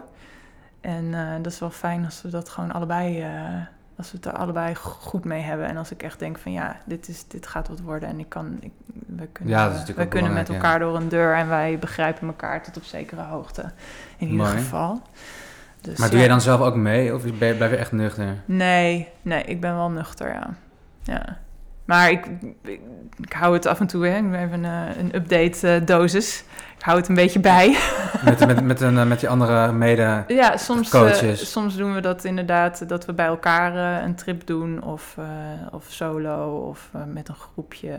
ja, omdat een beetje Ja. zo van, oh ja, die wereld. En het is wel belangrijk Ja, om daar ja, een soort vers eh, idee nog weer bij te hebben. Van, oh ja, zo was dat. En zo, dan kan ik het een beetje met, met één been in allebei Ja, dat kan die, ik me voorstellen. die ja. realiteiten staan. Maar waar moet ik dan aan denken? Dat- Is het dan eens in de maand of zo? Of- Nee, twee keer per jaar zit ik nu ongeveer. Oh. Ja. ja. ja, Ik ben nooit een groot gebruiker geweest hoor. Ik ben vrij gematigd. hangt Ja, er wederom, hangt er vanaf wie het vraagt. Maar ik vind mezelf vrij gematigd. Nee, als je dan zegt twee keer per jaar even een APK. Ja, een APK'tje. Ja. Even een psychedelisch APK'tje. Ja. Ja, want ik denk af en toe van, oh ja, dit is... Ja, het houdt, me, het houdt je scherp of zo. Niet scherp in de zin van super gefocust, want dat is niet wat ik moet zijn. ik Niet moet productief scherp, eigenlijk- zeg maar, nee, maar gewoon wel op, het, op oh het ja. proces. Ja, Ja. ja. en dit eh, ja, vind ik is ook mooi Cool. en grappig. Interessant, ja, ja, ja. Maar wat, wat, wat, wat gebruik je dan? Is het vooral psilocybine of ook LSD of andere dingen? Ja, voor mezelf, maar dat is niet... Kijk, we werken hier met, met truffels. Ja. Want dat is wat mensen gewoon zelf bij de smartshop kunnen kopen. En dat is... eh, Precies. En veel mensen komen bij ons ook uit het buitenland en die vinden het gewoon een heel fijn idee dat het hier allemaal boven tafel is. Gewoon lekker uh, ja, legaal. Ja, naar, de, naar de winkel en er, zit, er staat een, een, een, THT-datum op mijn, eh, op mijn Ja. truffels. En eh, die mensen achter de balie hebben er verstand van. En eh, ik ga naar iemand toe die, die, eh, die dat eh, honderden keren gedaan heeft. Dus dat voelt dan, dat is onderdeel van je, ik weet niet of je die, hè, dat, die, die, die term set en setting, die veel ja, genoemd ja, wordt. dat is heel belangrijk. Ehm, dat is onderdeel van de setting. Dat is onderdeel van jouw mindset. Zo'n gevoel van veiligheid. Eh, waar, en het is- je hoort best wel veel van mensen in andere landen van... oh, ik word ineens helemaal paranoia dat de politie zou binnenvallen. Terwijl, weet je wel, terwijl ik dik zit te trippen. Nou, dat wil je natuurlijk niet. Nee, dus dan ga je... setting, nee. Nee, Nee, dat- nee, dat- nee, nee. Dus dat, ook al is het heel onwaarschijnlijk dat dat gebeurt... als dat eenmaal in je, in je geest is gekropen... Ja. kom er dan nog maar weer eens vanaf van zo'n gedachte. ja, dat is niet fijn, nee. Nee. Nee, ja, set en setting is natuurlijk fijn. Want we zitten hier nu in een, in een kamer waar dat dan ook gebeurt. Ja, Helemaal op de bovenste verdieping, de hemel heet het, geloof ik. ruimte. Oh, de ruimte, Ja. sorry. Wat jij wil hoor. Ja, de zevende hemel. Maar ja. ik kan me ook voorstellen dat ik wel eens zin heb om, om de natuur in te gaan of naar buiten. Doe je dat dan ook wel eens? Ja, ehm, wat wij merken is, eh, het kan heel fijn zijn om gewoon hop zo de natuur in te gaan. Het grootste deel, omdat wij net wat hogere dosissen gebruiken dan bijvoorbeeld recreatief leuk is, eh, ge- hebben mensen best wel veel eh, body load, zoals Ah, dat ja. heet. Dus je Zware wordt- benen zware benen, je wil niet meer bewegen. Mensen liggen in principe op die bank met een oogmasker op, een beetje naar de muziek te luisteren, met een dekentje over zich heen. En af en toe dan kreunen en steunen ze eens wat, of dan huilen ze eens wat, of dan... eh, maar dat is het dan. Je hebt, Ja. eh, Soms gaan mensen ook wel trillen en, en bewegen. Maar eh, dat is wat mij betreft allemaal uiting van spanning en het loslaten van dingen. En eh, laat maar gebeuren. Gapen, huilen, trillen, ehm, schreeuwen soms. ehm, dingen eindelijk stem geven die niet gezegd mogen wo- mochten worden, whatever. Het kan van alles zijn. Maar mm, de meeste mensen hebben niet een enorme behoefte om naar buiten te gaan. En er staat hier een hele grote boom voor de deur. Ja, en Voor het raam. Ja. Waar eh, de, Nee, maar zo'n dosis met bodyload kan ik me dat goed Ja, voorstellen inderdaad. Dat is natuurlijk wel een verschil, ja. Ja, en aan het eind is het wel zeker wel fijn om even naar buiten te gaan en even een frisse neus te halen en even met, eh, met de grasprietjes en de boombast eh, te, te connecten. Maar Ja. het, het, de, echt als mensen heel specifiek die connectie met de natuur eh, als intentie hebben, dan, dan zouden we dat ergens anders moeten doen, ja. ja. Ja, oké, mooi. Maar het, voor de Ja. meeste mensen is, dat, is het, het naar binnen gaan en dan is, is, is, ja, neemt gewoon de meeste ruimte in beslag. Oké. En je noemde eerder zo'n zo'n ankerpunt. Hè? Dat vind Ja. ik wel interessant. Hoe, hoe werkt dat? Want je, je deed al voor dat je iemands arm pakt en zo. Maar Ja. kan dat ook met voorwerpen of met iets dat je van tevoren iets opschrijft in je notitieboekje? Of Ja. weet ik wat, wat kan je er allemaal mee doen als anker? Ja, ik, eh, ik maak heel uitgebreide aantekeningen. Terwijl ik, ik schrijf zoveel mogelijk op van wat er eh, gezegd wordt. Oh ja. Ehm, en ik laat ook een audio-opname meelopen. Dus eh, dan kunnen mensen dus zichzelf ook terugluisteren. Van de hele trip? Van de hele trip, ja. Zo'n memo-cordertje. Wat verschrikkelijk in de weg ligt de hele tijd. Ja, ja, ja, ja. Maar goed, het, de- op een gegeven moment weten me- hebben mensen dat niet meer zo door hoor, dat die daar ligt. Maar ehm, mensen kunnen ook iets meenemen om, eh, ja, om neer te leggen, visueel foto's. Of een, een, een, eh, iemand had een steen die die echt de tijd bij zich had en die echt zo'n zo'n ankerpunt was voor hen. Ah, Ehm, maar het kan, het kan van alles zijn. Ehm, aanraking kan. Het is eh, belangrijk om te weten dat dat eh, sowieso nooit seksueel is. nee. Hè, dat lijkt me helder, maar dat is goed om zo van... oh ja, wacht, als, het, als er aanraking is, dan is dat sowieso niet seksueel. Dus dan kun je daar hopelijk ook wat meer eh, in ontspannen. Maar aanraking, over zenuwstelsels gesproken, kan heel fijn zijn om... om ehm, ja, voor die menselijke connectie. We zijn toch uiteindelijk zoogdieren ook. Ja, Ehm, Dus dat kan, maar dat is altijd met consent, met toestemming Ja, van nee, elkaar. Dus dat, dat, dat kleden we van tevoren in. En dan zal ik altijd vragen: hey, wil, wil je dat ik je hand vasthoud? Soms vragen mensen het zelf. Wil je even mijn hand vasthouden? Maar ik heb ook wel eens op die bank gezeten dat mensen met hun hoofd op mijn schoot liggen en daar gewoon uren liggen of tegen me aanzitten. Of ehm, ja, dat kan, dat kan van alles zijn. Of dat ik bijvoorbeeld, eh, als ze dat zo voelen van, oh, er zit iets in mijn, in mijn eh, rug en wil je daar wat druk geven, dan gaan ze op hun buik liggen en dan druk ik druk ik op een bepaalde eh, plek die ze, die ze Mhm. willen. Dat, dus het kan, ehm, ja, dat soort, dat soort dingen kunnen allemaal gebeuren. Maar moet je ze dan ook wel eens afleiden als je echt in, een- in een verkeerde gedachtenspoor kan, dat je ze even, even Ja. eruit afleidt met iets, een ander onderwerp of weer even terugbrengt of zo, dat soort dingen. Ik zou niet zozeer zeggen, af, alles mag er zijn. Ja, dat is waar. Alles mag er zijn, maar er zijn in je gedachten in ieder geval, en er zijn bepaalde uitingsvormen, seksueel of agressief, die we dan niet doen. Nee, Maar de agressie en de seksualiteit mogen er best zijn. De mijne niet hoor. de gevoelens zeg maar. Ja, maar, ja. maar van die andere Ja, wel. ja. Dus die, eh, dat, dat is dan, oh kijk eens, oh hallo, hallo Ja, dat ja, stuk, oh. En eh, dat alles, dat, dat verwelkomen ervan, maar ook daarmee aangeven, dit, ben je, dit is niet alles van jou, dit is een stukje van jou en laten we daar eens mee in contact gaan. Ja, mooi. Dus we hebben het over verwelkomen gehad, het Ja. integreren, het ankeren, Ja. set en setting. Maar wat is nog meer heel belangrijk tijdens zo'n eh, trip? ja, Wat gebeurt er nog meer, zeg maar? Ja, nou, de, ach man, dat is, weet je, dus de, aanloop is, is, kun je een bepaald stappenplan in hebben en de afloop kun je een bepaald stappenplan hebben, maar wat er tijdens zo'n trip gebeurt, dat is zo onvoorspelbaar, dat weet je gewoon niet. Nee. En nee. dan kun je, er zijn wel categorieën en er zijn dingen die we kunnen doen met z'n allen, maar nog, we zijn omstandigheden aan het creëren waarin de kans het grootst is dat naar boven komt wat voor jou op dat moment het relevantst is. Dus daarom is veiligheid bijvoorbeeld ook belangrijk. Dat Maar is je- dat heel erg kader scheppen van tevoren? Of, of- ja, veel kaders scheppen van tevoren en veel eh, herinneringen tijdens. Mhm. Ja. En het, het eh, zoveel mogelijk laten gebeuren.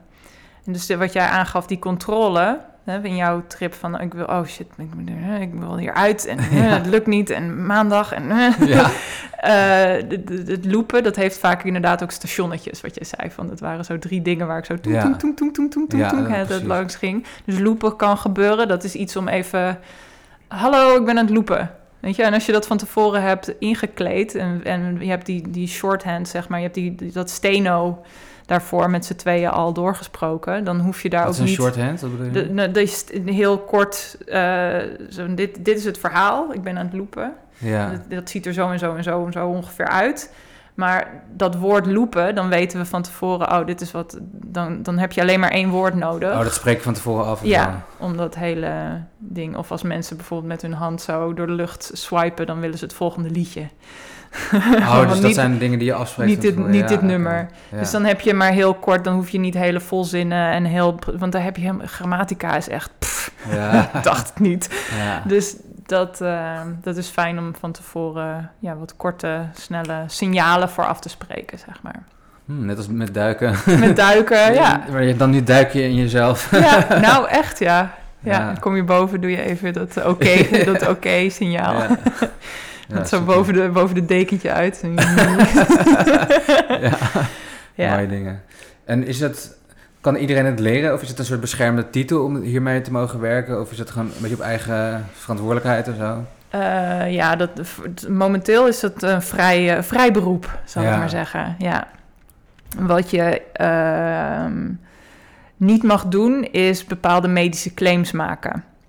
Ehm, tenzij je met dat hele medische protocol werkt. Ja, je mag geen beloftes doen en zo. Nee, nee. dus je moet best wel oppassen met eh, zeggen van... oh, je kan, eh, we, we, helpen je van je depressie af.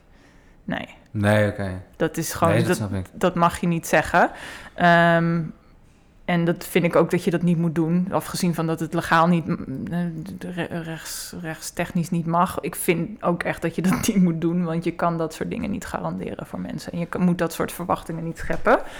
Ehm, maar in principe kan iedereen eh, zeggen... ja, ik ben tripsitter of ik ben tripguide... of eh, facilitator of shaman of whatever. Dat zijn allemaal geen beschermde Nee, nee, nee.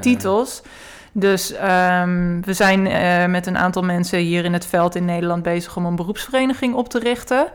Ehm, en uiteindelijk hoop ik eh, met de jaren dat we daar bijvoorbeeld ook een soort eh, eh, certificering of een, een, een bepaald predicaat, wat je een stempeltje van dit is een bepaalde kwaliteit waar leden van deze vereniging eh, zich aan houden. Dat lijkt me wel belangrijk, ja. Ja. Dus eh, momenteel eh, is dat ja, gewoon afhankelijk van de persoon zelf, hoe, zij, hoe het hen goed dunkt om het te doen. Hmm. Dus dat is wel belangrijk om, uh, om daarnaar te vragen. En het kan best zijn dat je denkt van nou, ik heb echt niet, uh, per, niet heel veel nodig, maar ik wil gewoon voor het geval dat ik een van die uh, mensen ben die ineens een bepaald medisch probleem krijgt tijdens het trippen, wil ik dat er iemand bij is. Ja, dan heb je andere skillset nodig dan als je toch wat actiever daarmee aan de gang wil of, of wat meer reflectie zou willen of whatever. Dus dat is goed om dat aan iemand te vragen hoe ze dat doen.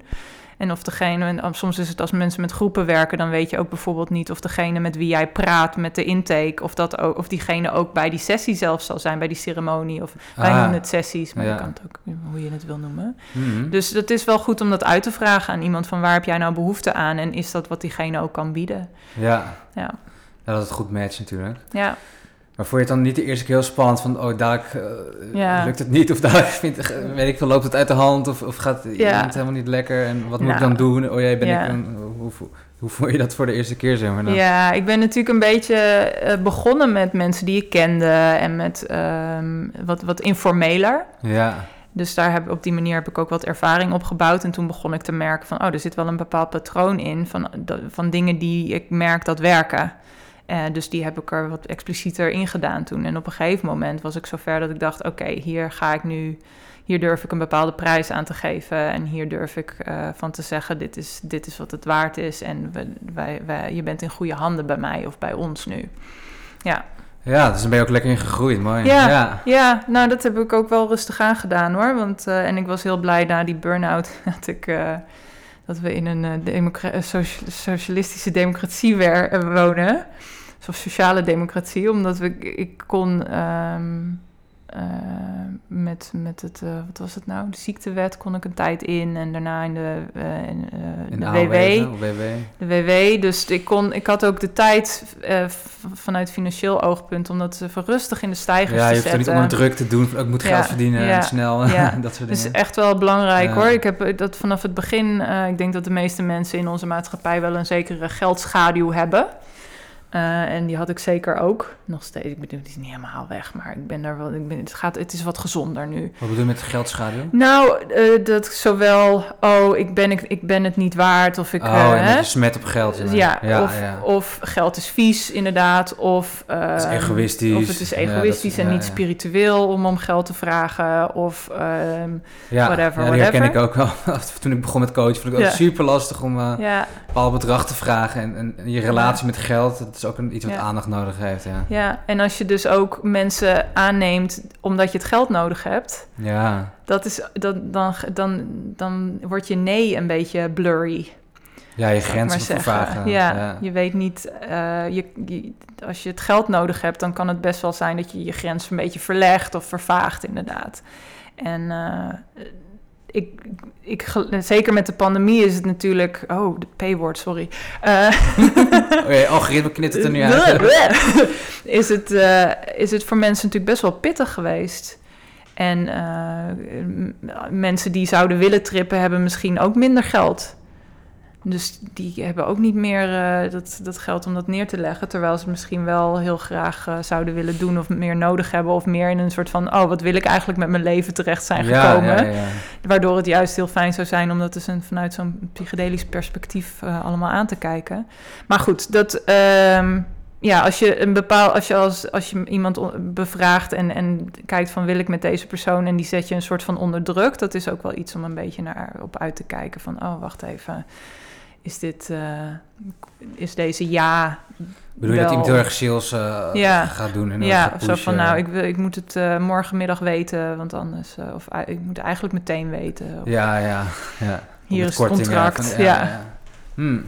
Maar, maar te- te- moeten mensen een soort contract dan tekenen? Je zegt, Ja. dat, dat ze risico verleggen of dat ze weet ik veel iets in die trant? Ja, wij hebben we, we, in het begin een contractje opgesteld waar in principe komt dat erop neer dat mensen zeggen eh, of ondertekenen van ja, ik ben eerlijk geweest in het intakeformulier en ik heb alle vragen die je me in de intake gesteld hebt eerlijk eh, beantwoord. Dus ik heb niks achtergehouden. Mhm. Ehm, en ik zal ehm, het advies eh, van, de, van de guide zoveel mogelijk eh, overnemen. Ehm, en van, vanaf onze kant is dat dan, hè, je, jouw eh, data en jouw eh, verhaal komt niet op straat te liggen. En, ehm, en dus dus we zijn geen therapeuten, maar we, doen, we hebben- werken natuurlijk wel heel vertrouwelijk met mensen. En ehm, andere dingen van waar, hè, waar, je, waar je op- bij ons op mag rekenen. Ja, Ja, duidelijk. Dus dat, eh, Ja, dat tekenen we van twee kanten. Ja. cool. Ja. En eh, in de onderzoeken worden ook steeds meer andere middelen naar voren gebracht. MDMA, ketamine Ja. en... LSD weet ik eigenlijk niet zeker, maar... Ja, Ja, ayahuasca- ayahuasca, ja. eh, maar zie je daar ook nog een toekomst in dat je daar misschien wat meer mee doet? Of hou jij het echt bij psilocybine? Ehm, nou, wij werken met eh, legale psychedelica. Ja. Dus mocht in de toekomst meer legaal worden, dan zouden we dat graag doen. Ja, Ja. ja ik denk dat er. ehm, eh, ketamine vind ik een beetje lastig, maar daar beginnen mensen nu ook eh, eh, interessante eh, ervaringen mee te, mee te hebben. Ehm, blijvende ook, hè, want dat is een van mijn, mijn issues met, met ketamine voor depressie. Maar goed, dat is een, ook weer een rabbit hole. Maar ja, als wij, als wij legaal met MDMA zouden mogen werken, dat zou ook wel... LSD is lastig omdat het zo lang duurt. Ayahuasca zou mooi zijn als dat weer terugkwam. Want het was natuurlijk nooit helemaal legaal. Het was alleen dat de Santo Daime kerk een, eh, Ja, ja. een exemption, hoe heet dat? Een uitzondering had dat zij het Oh, wel ja, mochten importeren. Maar daar liften een aantal an- organisaties die ayahuasca-reizen aanbieden, liften daar een beetje op mee. En dat is nu wat strakker aangetrokken, dus ik hoop dat dat ook weer... eh, Maar het gebeurt volgens mij nog steeds bij dan onder de noemer plant medicine of Ja. zo. Of dat plant rituals of weet ja, ik veel wat. Ja, ja, ja. Het is nu nog wel te vinden. Ja. Ik, tuurlijk, maar ehm, ja, ik denk wel dat, dat legaliteit ervoor zorgt dat wij... ehm, eh, dat, dat is ook veiliger voor de, voor de mensen die komen trippen. Omdat je niet eh, als, als een underground iemand jou iets aandoet, waar ga je naartoe dan? ja. Ja, dus, dus ik denk dat het voor iedereen, voor de, voor de, mm, eh, voor de facilitatoren, voor de, voor de guides en voor de eh, Hmm. cliënten, voor de trippers, voor de reizigers, voor hoe je ze maar wil noemen, is het echt veiliger als dingen legaal zijn. Ja, zeker. Ja, mooi. Ja. En waar ligt voor jou de grens tussen experimenteren eh, of, of echt een beetje een expeditie met, met die middelen? Ja, Of dat het meer echt escapisme wordt, of dat je aan het verdoven bent, of ja, een soort van... goede vraag. Ja, Ehm, er zijn een aantal facetten aan mijn antwoord daarop. Eén is dat wij ehm, minimaal drie maanden hanteren tussen sessies met mensen. Dus we, we doen in principe gewoon één sessie, een hele cyclus met een intake en, en na afloop ook, ook integratie. Ehm, en ehm, daar doen we, als mensen dan terug willen komen en dat nog een keer willen doen, doen we minimaal drie maanden daartussen. In het onderzoek doen ze vaak zes weken. En dat is deels zodat je lichaam weer terug is geherkalibreerd op normaal. qua tolerantie zo. Ja, ja. ja, tolerantie is een groot ding. Eh, maar ook dat je mentaal-emotionele integratie de tijd heeft gehad Ja. om een beetje post te vatten en, eh, en om eventueel. eh, en daar kun je dan weer op voortbouwen, zeg maar. Ehm, als je, de, dus ja, je, hebt, je hoort wel excessen van mensen die ieder weekend MDMA gebruiken en op een gegeven moment denken, maar dat werkt dan toch niet meer. Tolerantie is een groot ding met psychedelica. Ehm, en ik hoor ook bijvoorbeeld van veel mensen van... Dan, dan kwam ik weer en dan zeiden de, de, de, de wezens die ik dan altijd in die ruimte ontmoet... die zeiden, joh, ben je hier nou weer? We gaan je echt gewoon precies hetzelfde vertellen als de vorige keer. Ga dat nou gewoon doen. Ja, ja. ja echt. Alan Watts zei ooit van, if you got the message, hang, hang up the phone. Ja, ja, ja. If God answers, hang up. Ja. Ja, ja. Dus ehm, dat is een hele. dat- probeer ik een beetje te hanteren. Dus als mensen eh, naar me toe komen en zeggen van, oh, ik wil, ik wil wel weer, nou dan gaan we daar een gesprek over hebben. Van, goh, ben je, heb je het idee dat die vorige een beetje geland is? Waar zou je dan mee aan de gang willen? En het moet niet inderdaad een nieuw soort ehm, eh, verslaving of escapisme worden. Maar weet je wat het is? Met eh, intentioneel of bewust gebruik, met een, met een bepaalde intentie om naar jezelf te kijken, zijn het vaak niet de makkelijkste sessies. Dus je doet het niet quote-unquote voor de lol. Nee joh, nee, nee. Het is ook wel hard werken Het natuurlijk. is hard werken. Mensen zijn echt zo van, ik heb alleen maar op de bank gelegen, ik ben kapot. Ja, er gebeurt een hoop natuurlijk Ja. binnen. Ja, er gebeurt echt heel veel. Dus het is ook niet iets waarvan je denkt van, nou, morgen weer. Nee, ik doe het ook misschien ook niet alleen op die sessies, maar Nee. gewoon überhaupt voor mensen die Ja, middelen willen gebruiken, daarmee experimenteren. Want ja, ja, vaak begint het natuurlijk heel erg wel leuk en onschuldig misschien. Eh. Maar bij sommige mensen gaan het natuurlijk wat te ver in, in door misschien. eh. ja, ja. Ik ben geen verslavingsdeskundige. Gelukkig hebben we in Nederland heel goede hulp daarvoor en veel goede informatie. Eh, Unity is een goede organisatie die daar veel, eh, Ja, veel mee precies. doet. Ja. En ik denk dat we in Nederland in de gelukkige omstandigheid zijn dat het beleid al lange tijd op eh, harm reduction, op het, op het verminderen van, ehm, eh, van, van, wat is het, harm? Ja, schadebeperking. Schade, ja. Dat is hem, En testen, kan natuurlijk alles laten testen. Nee, het is natuurlijk best een goed eh, Ja. informatiebeleid ook en zo. Ja. Ja, en er zijn ook wel goede vragen die je, zo- zo'n zo'n kleine enquête die je kan invullen daarvan. hey, laat ik eens even naar mezelf kijken en Ja. laat ik dit eens eerlijk invullen en wat komt daar dan uit? Dus ehm, in principe, ja, eh have at it, weet je, maar doe dat inderdaad. Voor mij was het heel erg fijn om dat altijd, eigenlijk altijd sociaal te doen. Altijd met mensen die er verstand van hadden. De eerste keer dat ik eh, eh, eh, interesse had in ketamine, zei iemand van, nou, weet je wat? Ga eerst even met hem praten, want hij vindt het fantastisch. Ja. Ga even met haar praten, want zij vindt er geen ruk aan. En als je het dan nog wil, dan mag je bij mij even een nakkie komen halen. en dan gaan we Dan heb je kijken. die twee. Ja, gewoon om even, verhalen. haal even goede informatie en, en weet waar je, waar je aan begint.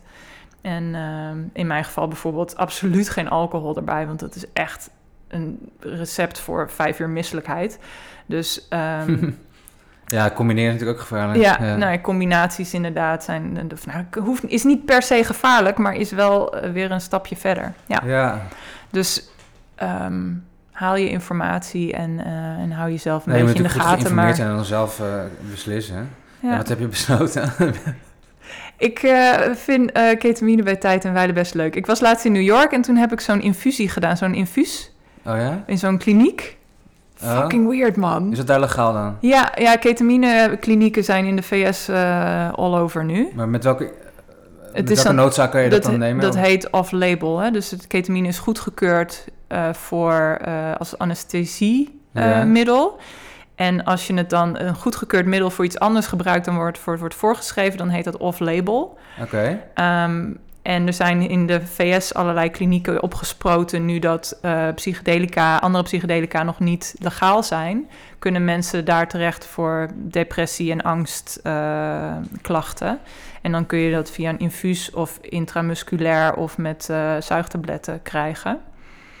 Ehm, Oh, zonder recept. nou, nee, niet, nee, dus niet zonder recept. Dus daar moet altijd een arts dat voorschrijven. Maar Dus dat had jij je- geregeld. ja, ja, ik had een intake gedaan en een verhaal en een dingetje. En, heel, eh, ja.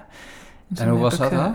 nou, hij had me best wel... eh, hij zei van, als we voor depressie dat voorschrijven... dan doen we niet zo'n hoge dosis, maar je hebt wat ervaring... en je wil dit meer voor je persoonlijke ontwikkeling. Dus dan gaan we wat hoger, wat meer richting de psychedelische dosis. Ketamine is, net als heel veel andere psychedelica... je kan daarover debatteren of het een psychedelicum is... maar zwaar voor, de, voor, voor nu even. Ehm, de, is dat niet lineair. Dus het is niet van, oh, als ik een beetje neem, dan heeft het dit effect. En als ik iets meer neem, dan heeft het twee keer dat effect. Oh, ja, het zo. wordt op een gegeven Ja. moment anders. Het, wordt echt, het gaat echt vervormen en, en, ehm, en psychedelisch worden. Niet zo visueel als, eh, als eh, paddo's of truffels. Ja, dat was echt wel, eh, dat was echt wel een ding. Ik voelde me heel gedragen door, I don't know, door wat dat dan ook was. Ehm, en het was heel eh, donker, maar ik hou wel van donker. Ik vind donker niet angstig ik worden. Ik, dat voelt als een soort Hmm. warme deken. Ja, ja. Ja, Maar bedoel je donker qua... Dat, dat, dat, de, de, de beelden die ik had waren vrij donker. Ja, oké. Dus alsof ik in een, in een, in een grot was en met, met stenen en, en dat soort, en een beetje zwevend daardoorheen in plaats van lopend. Zo. Oh, interessant. Wauw. Ja. Klinkt en als een vage ervaring. het was vaag, maar het was ook heel, ehm, hoe zal ik het zeggen? Bevestigend. Zo, voor zover. Het was vrij woordeloos ook. Hè? Je kan niet. Je, je, het is heel moeilijk om die dingen onder woorden te brengen. Dat is ook een ja, van taal de. is natuurlijk ook wel beperkend daarin. Taal is Ja. vrij, eh, is niet, de- ja, is niet gericht op eh, psychedelische ervaring, de taal die wij hebben. Nee, Dus dat is ook normaal als je dat heel moeilijk onder woorden kan brengen. En kan dat ook oké zijn hè, voor ons mentaal gerichte mensen. Als ik het niet kan onder woorden kan brengen, dan was het niet echt, of dan was het niet nuttig, of dan was het niet uh, zinvol, of dan uh, had ik er niks aan. Ja. niet te bevatten. Maar niet te bevatten vind ik dus geen probleem meer. En dat is ook een van de dingen die ik nu niet meer met mijn, perfect, mijn, mijn herstelling, uh, herstellend perfectionisme, hoef ik het allemaal niet meer precies te weten. of uiteen te zetten of ja, te schrijven. Ja, zo van, nou ja, het was... Te pakken, te vangen. Het voelde gewoon goed, klaar. ja, dus niet meer overanalyseren ja, van... En, ja. Dat lijkt me een hele bevrijding, ja. Dat je niet alles meer dood hoeft te analyseren of te begrijpen of te bevatten. Ja. En, uh, ja. ja. Wat is nog meer interessant om hierover te vertellen? We hebben best wel veel thema's al uh, ja. uitgelicht en ervaringen gedeeld. Ja. Um, nou, we hebben het over de, int de intentie, de integratie, de, de ervaring zelf gehad. Um, ja, en wel of niet begeleiding daarbij. Uh, de drie types um, van, van ervaringen, hoofd, hoofdmoten, zeg maar. Het recreatieve, het um, medisch-therapeutische en dan wat wij hier doen, het meer intentionele voor persoonlijke ontwikkeling. Goh, ja, de ethiek ervan en, en wat belangrijk is om uh, aan iemand te vragen met wie je dit eventueel zou willen doen. Ja. Ik denk dat we dan wel een heel, uh, ja. heel veel bediend hebben in de geschiedenis. Benieuwd, hoe, hoe, hoe keek je familie ernaar over vrienden? Ah. hoe reageerde die erop dat je dat uh, ging doen? Ja, uh, de, de, de, mijn vader die keek even moeilijk. En die zei, zou je dat nou wel doen, schatje? Zoals vaders het kunnen zeggen. Ja, precies. En toen zei ik, ja, ik denk dat ik dat wel ga doen. Toen zei hij, oké. ja. ja. Een zeegaatje. Okay. Ja, nee, en mijn moeder een beetje hetzelfde. Die was vooral bang voor de legale dingen. En toen, toen ik duidelijk werd dat wat ik doe helemaal legaal is, toen was ze ook... Zakelijke uh, kant. ja um, oké okay ermee. En mijn vrienden vinden het alleen maar super interessant. Het was, zeker toen ik net begon, was het bijna onmogelijk om op verjaardagen nog over andere dingen te hebben. Zodra mensen hoorden ja, dat is wel heel interessant, is wat ik deed, ging het alleen maar daarover. Um, sorry nog daarvoor. um, ja, dus uh, nee, dat is, het wordt heel positief ontvangen. En daar ben ik heel blij om hoor. Want het is, ik merk wel dat het. Dat, uh, in, in, mijn wijdere familie zijn er misschien nog wat meer mensen die een beetje met argusogen naar kijken. Of denken van nou ja. Maar ondertussen is het nu ook alweer dus zo'n zes jaar. Dus dat is langzaam ook een beetje genormaliseerd. Dat, dat het blijkbaar. Nou, dat ik het, dat ik het volhoud en dat mensen het blijkbaar uh, interessant genoeg vinden om ja, om uh, dat dit mijn werk mag zijn. Dat ik, me daar, uh, dat ik daar mijn geld mee mag verdienen. Vet. Is ja. dat iets wat je voor de rest van je leven nog zou willen doen? Ik doe niet meer aan voor altijd. Ik vind dat zo... Voor nu is het echt uh, fantastisch. Ja, ja. ja. En, en um, het zou dus best kunnen dat het wat meer de bestuurlijke kant op gaat... als ik met die beroepsvereniging aan de gang ga. Ja, interessant. Dat ik wat meer ga nadenken over um, het, het trainen van mensen bijvoorbeeld.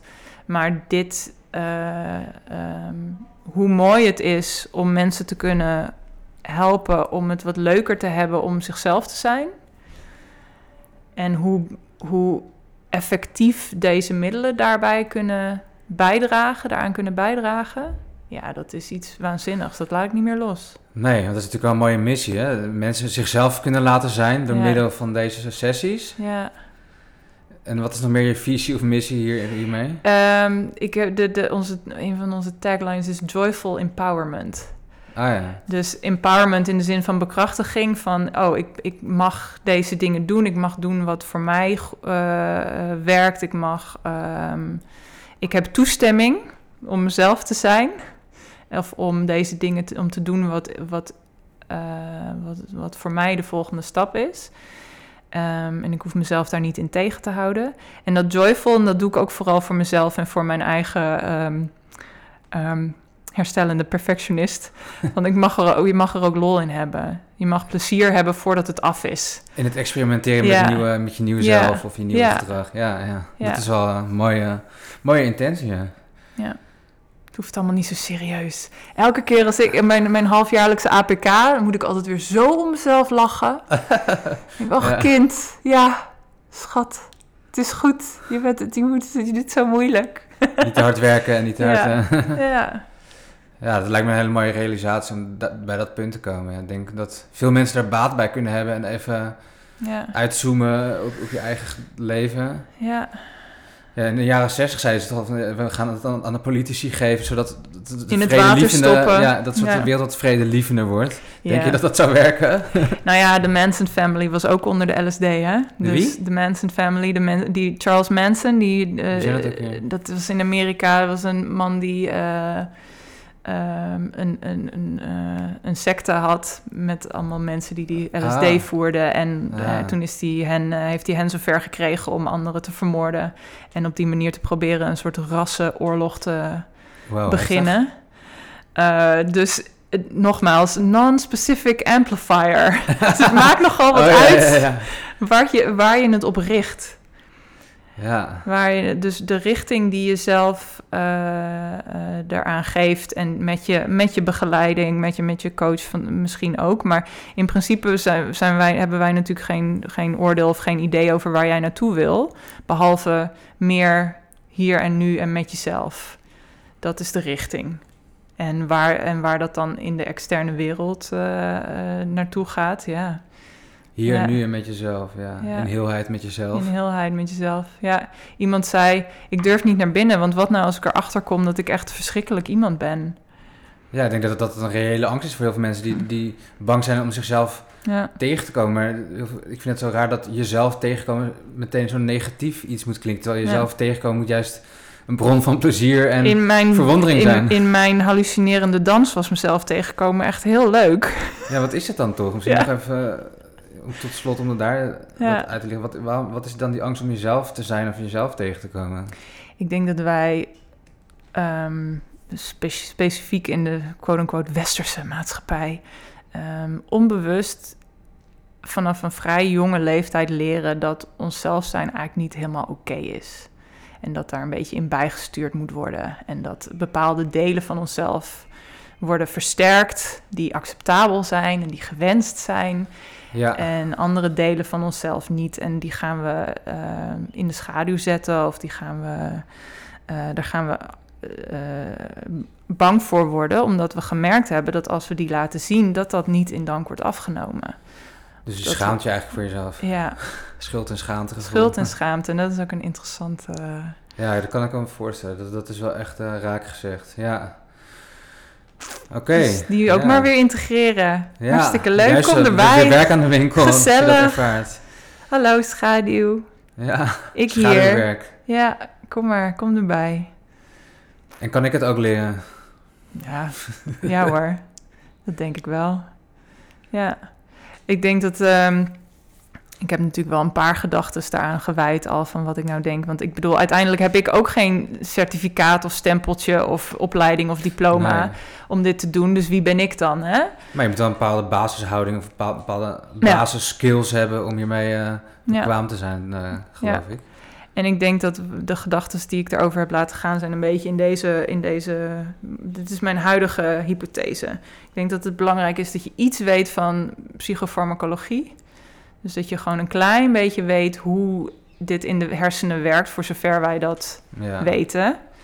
Ehm, maar bijvoorbeeld ook eh, waarom het niet slim is om dat met antidepressiva te combineren of zo. Dat zijn gewoon handige dingen ja, om dat te weten. basisdingen die je moet een weten. basis. Ja. En wat moet je inderdaad doen als iemand eh eh, bad gaat of als iemand, nou ja, dat een beetje de, de, de, die kant van het verhaal. Dat je niet ja, dan iemand laat zwemmen, omdat je ook niet weet wat je moet doen. Ehm, ik denk dat het belangrijk is dat je je eigen werk doet, zowel ehm, met psychedelica, zodat je weet wat je, wat je aan iemand geeft. En dat je zelf die, die ruimte kan, kan navigeren. Maar ook in het algemeen, je persoonlijke ontwikkeling. Dat, je, dat jouw schaduwen, die mogen er zijn. En die mogen niet in de weg staan.